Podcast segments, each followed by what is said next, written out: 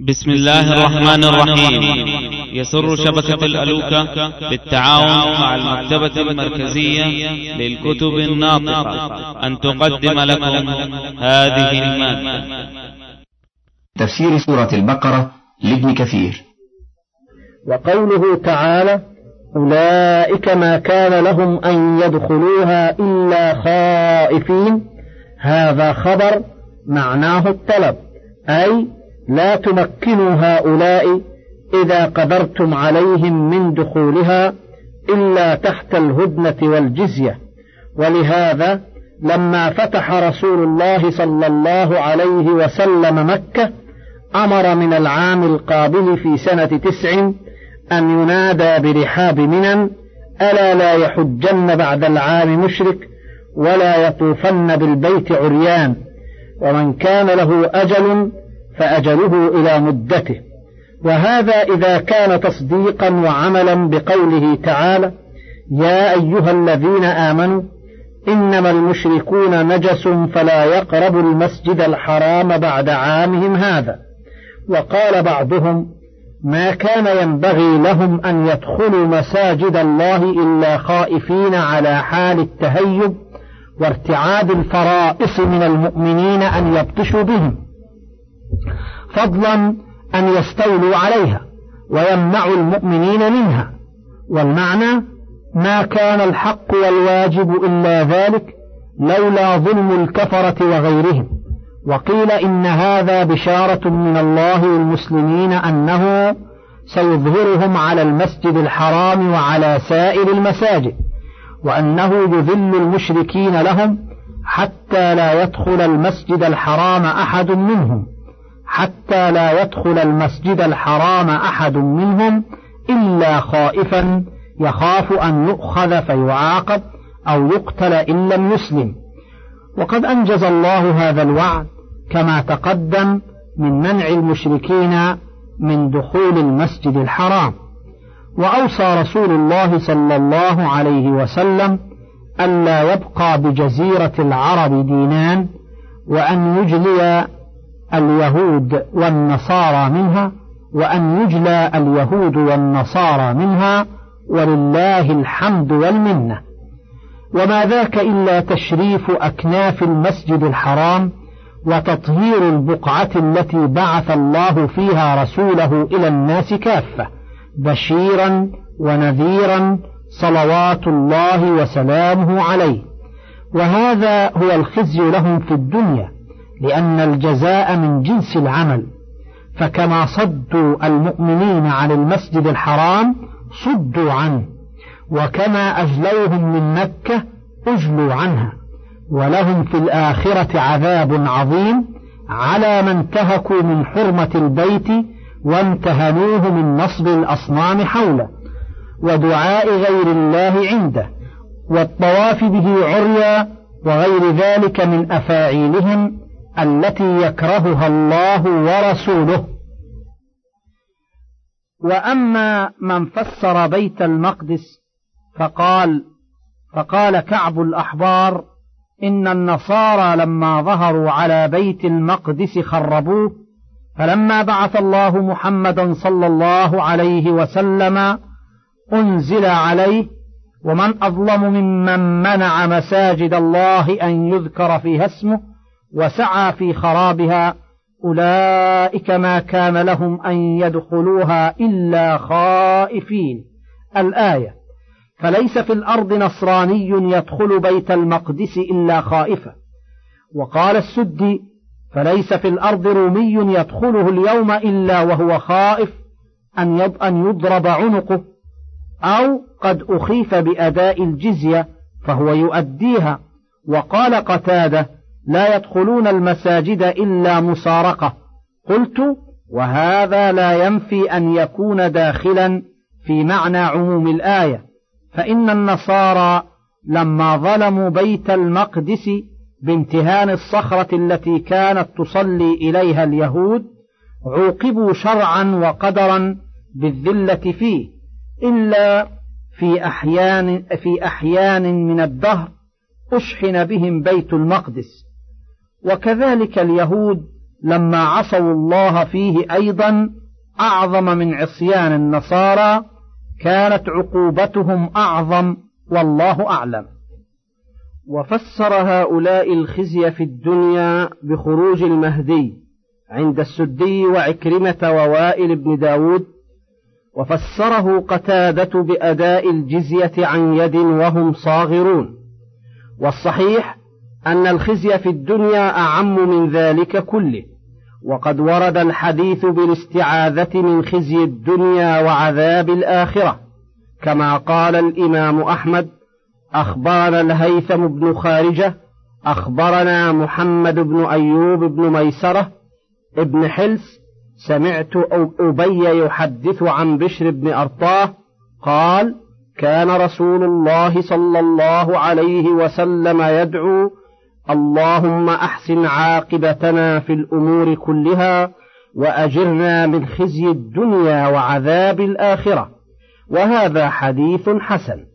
وليس في شيء من الكتب الستة. وليس لصحابيه وهو بشر بن أرطاه ويقال ابن أبي أرطاه حديث سواه. وسوى حديث لا تقطع الأيدي في الغزو. ولله المشرق والمغرب فأينما تولوا فثم وجه الله إن الله واسع عليم. وهذا والله أعلم فيه تسلية للرسول صلى الله عليه وسلم وأصحابه الذين أخرجوا من مكة وفارقوا مسجدهم ومصلاهم.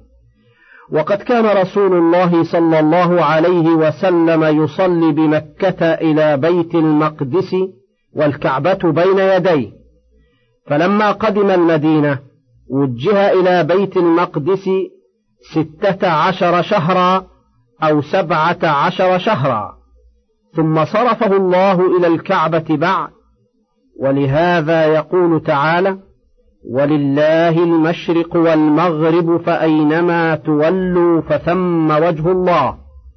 قال أبو عبيد القاسم ابن سلام في كتاب الناسخ والمنسوخ أخبرنا حجاج بن محمد أخبرنا ابن جريج وعثمان بن عطاء عن عطاء عن ابن عباس قال أول ما نسخ لنا من القرآن فيما ذكر لنا والله أعلم شأن القبلة. قال الله تعالى ولله المشرق والمغرب فأينما تولوا فثم وجه الله فاستقبل رسول الله صلى الله عليه وسلم فصلى نحو بيت المقدس وترك البيت العتيق ثم صرفه إلى بيته العتيق ونسخها. فقال ومن حيث خرجت فول وجهك شطر المسجد الحرام وحيث ما كنتم فولوا وجوهكم شطرة. وقال علي بن أبي طلحة عن ابن عباس قال كان أول ما نسخ من القرآن القبلة وذلك أن رسول الله صلى الله عليه وسلم لما هاجر إلى المدينة وكان أهلها اليهود أمره الله أن يستقبل بيت المقدس ففرحت اليهود فاستقبلها رسول الله صلى الله عليه وسلم بضعة عشر شهرا وكان رسول الله صلى الله عليه وسلم يحب قبلة إبراهيم وكان يدعو وينظر إلى السماء فأنزل الله قد نرى تقلب وجهك في السماء. إلى قوله فولوا وجوهكم شطرة. فارتاب من ذلك اليهود وقالوا ما ولاهم عن قبلتهم التي كانوا عليها. فأنزل الله قل لله المشرق والمغرب. وقال فأينما تولوا فثم وجه الله. وقال عكرمة عن ابن عباس فأينما تولوا فثم وجه الله. قال قبلة الله أينما توجهت شرقا أو غربا.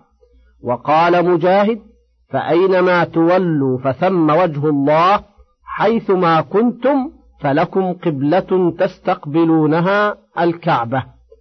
وقال ابن أبي حاتم بعد رواية الأثر المتقدم عن ابن عباس في نسخ القبلة عن عطاء عنه. وروي عن أبي العالية والحسن وعطاء الخراساني وعكرمة وقتادة والسدي وزيد بن أسلم نحو ذلك.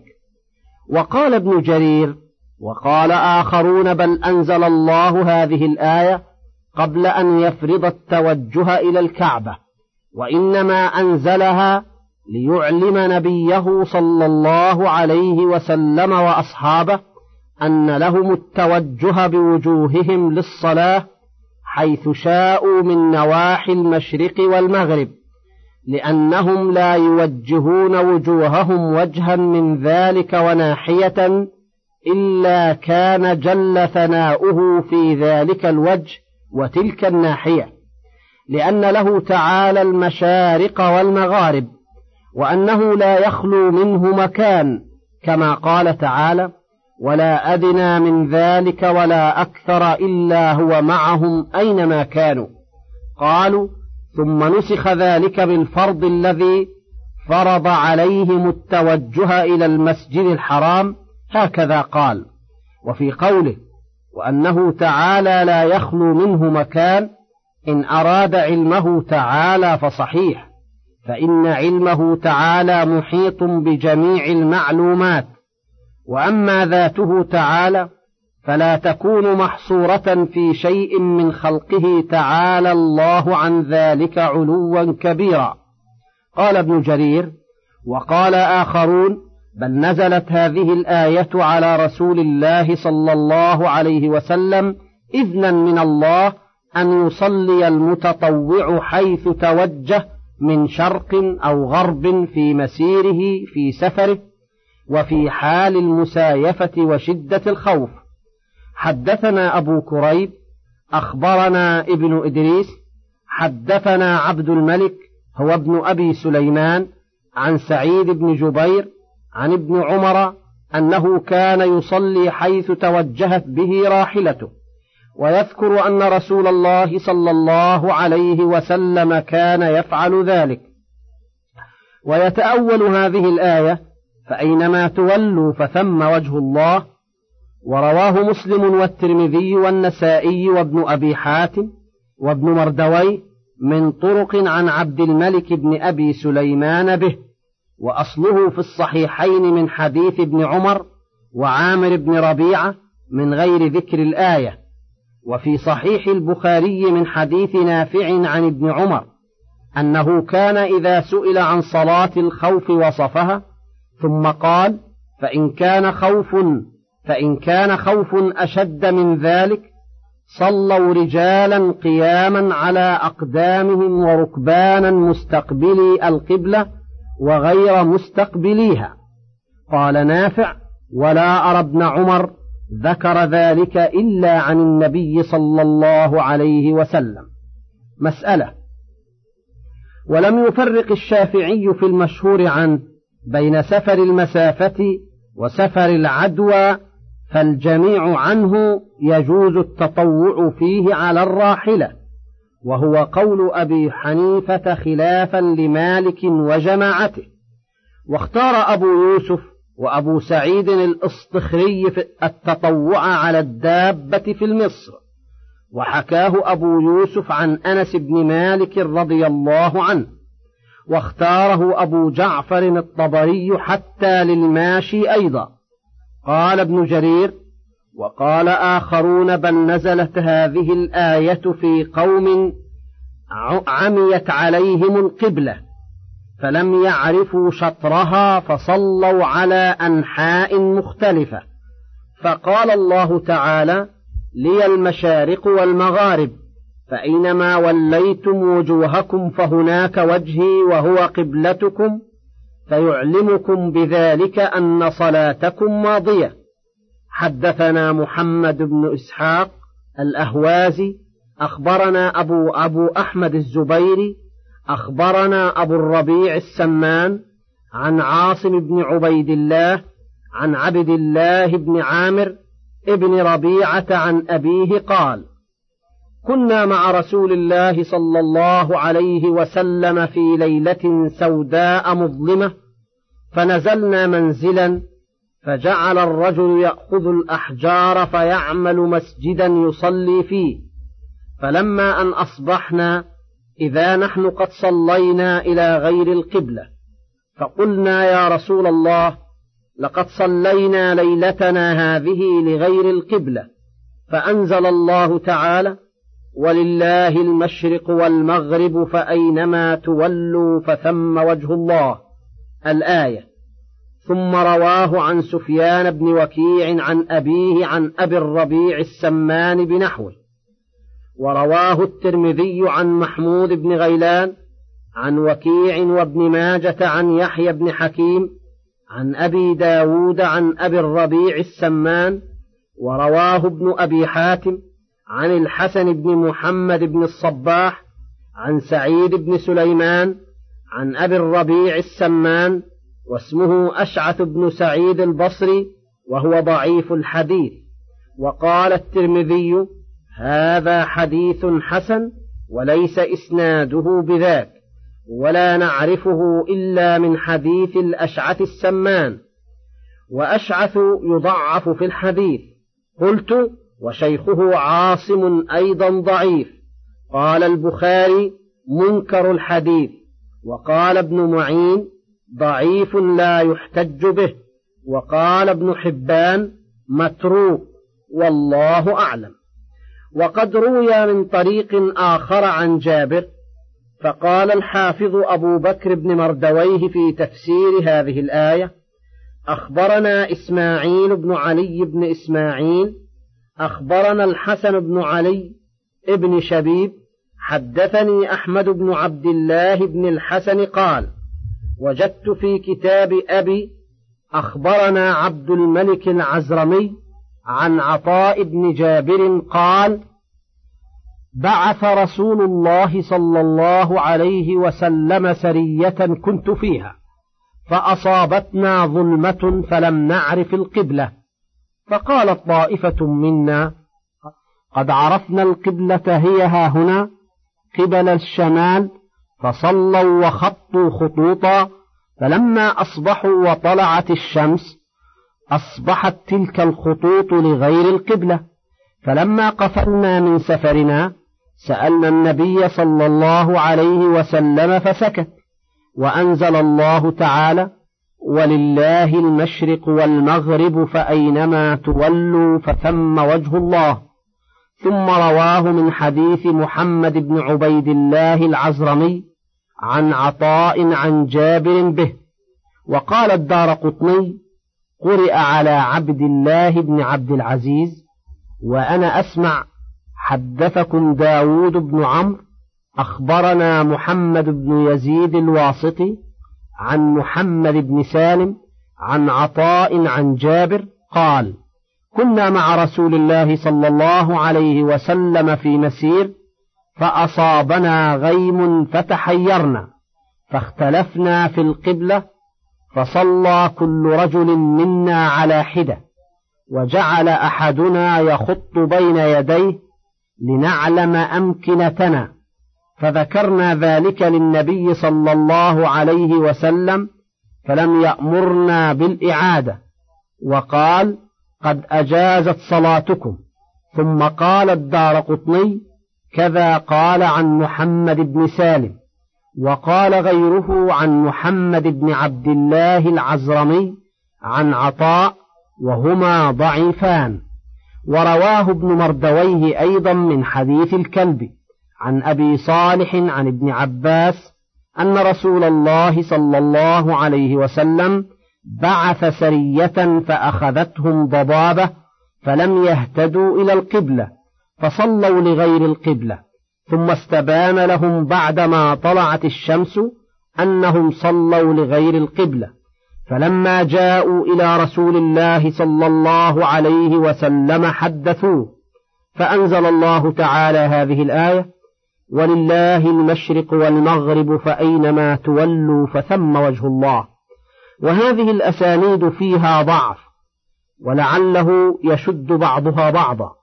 وأما إعادة الصلاة لمن تبين له خطأه ففيها قولان للعلماء.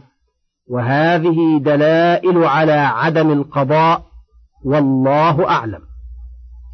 قال ابن جرير وقال آخرون بل نزلت هذه الآية في سبب النجاشي كما حدثنا محمد بن بشار أخبرنا معاذ بن هشام حدثني أبي عن قتادة أن النبي صلى الله عليه وسلم قال إن أخا لكم قد مات فصلوا عليه.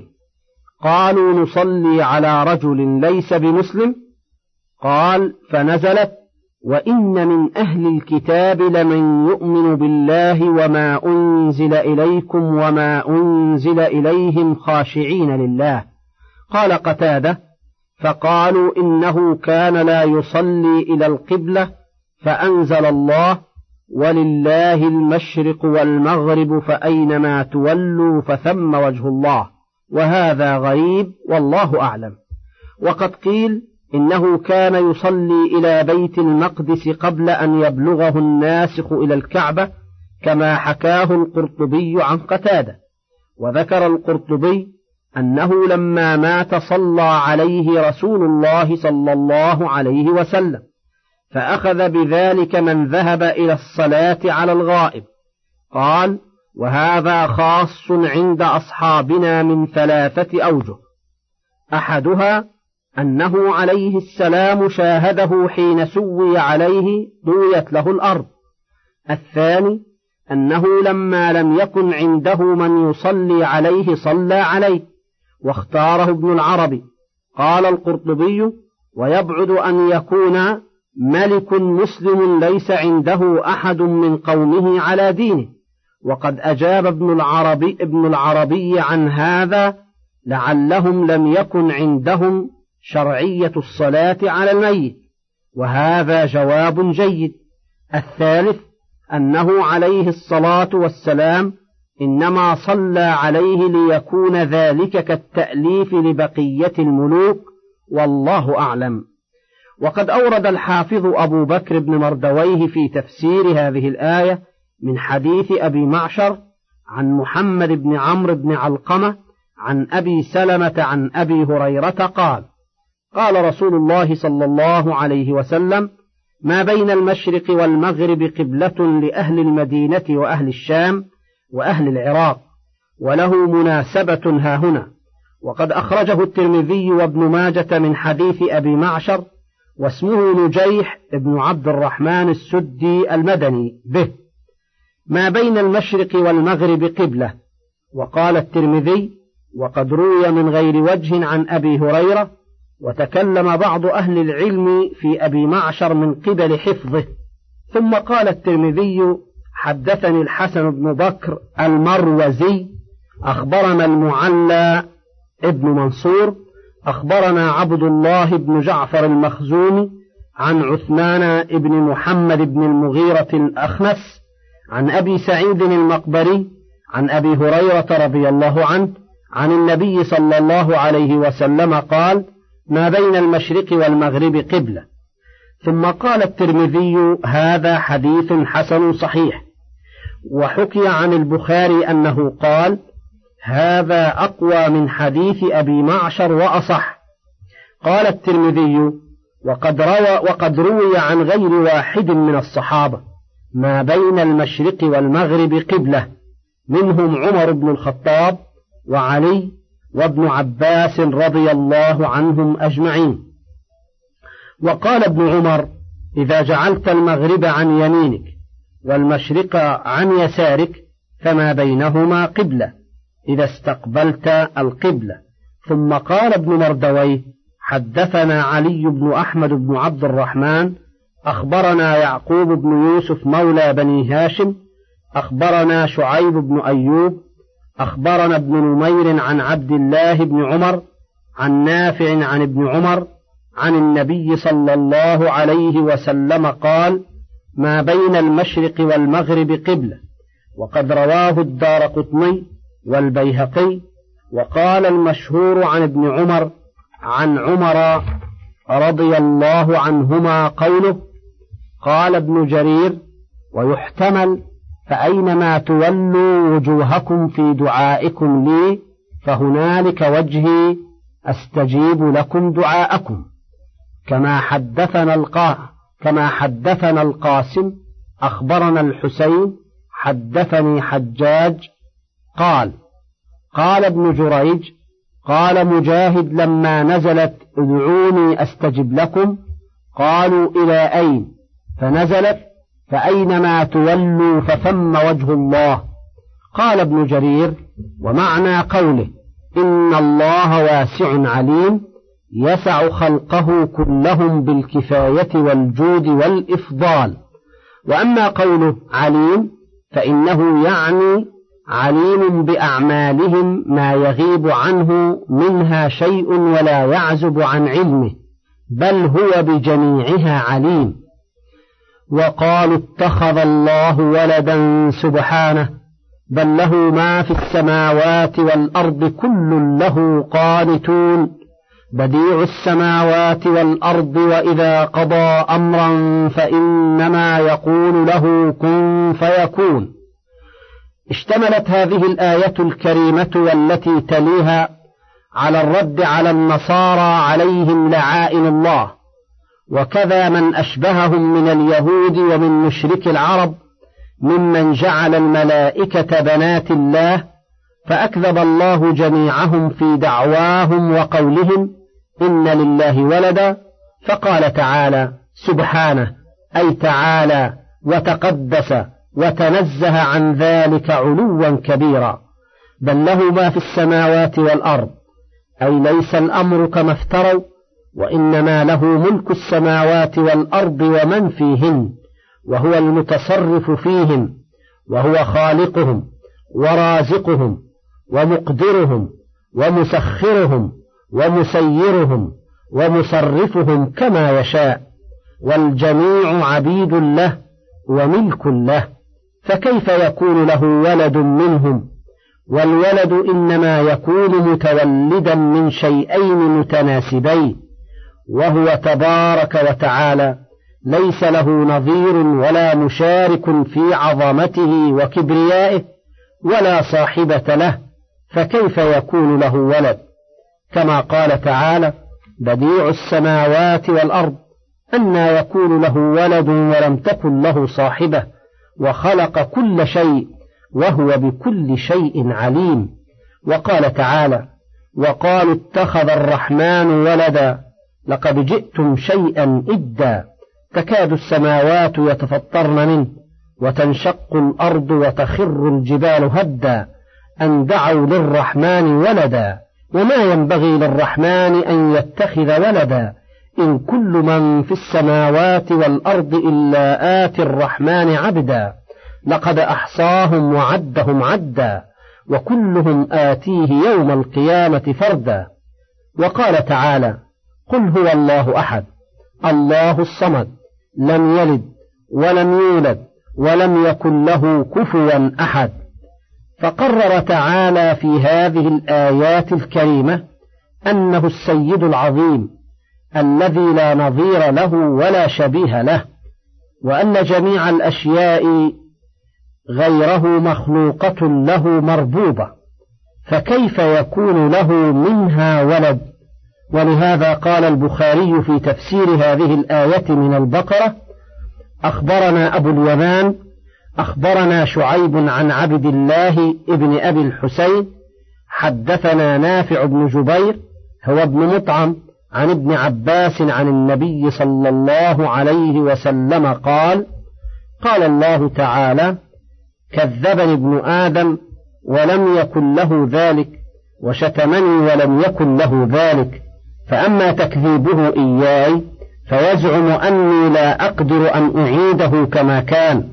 وأما شتمه إياي فقوله إن لي ولدا فسبحاني أن أتخذ صاحبة أو ولدا. انفرد به البخاري من هذا الوجه.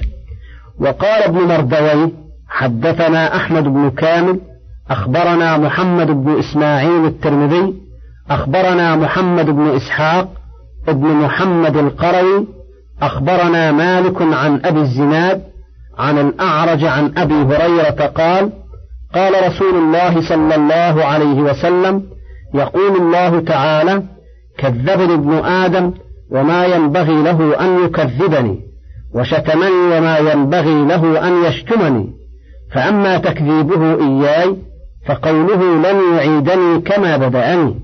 وليس أول الخلق بأهون علي من إعادته.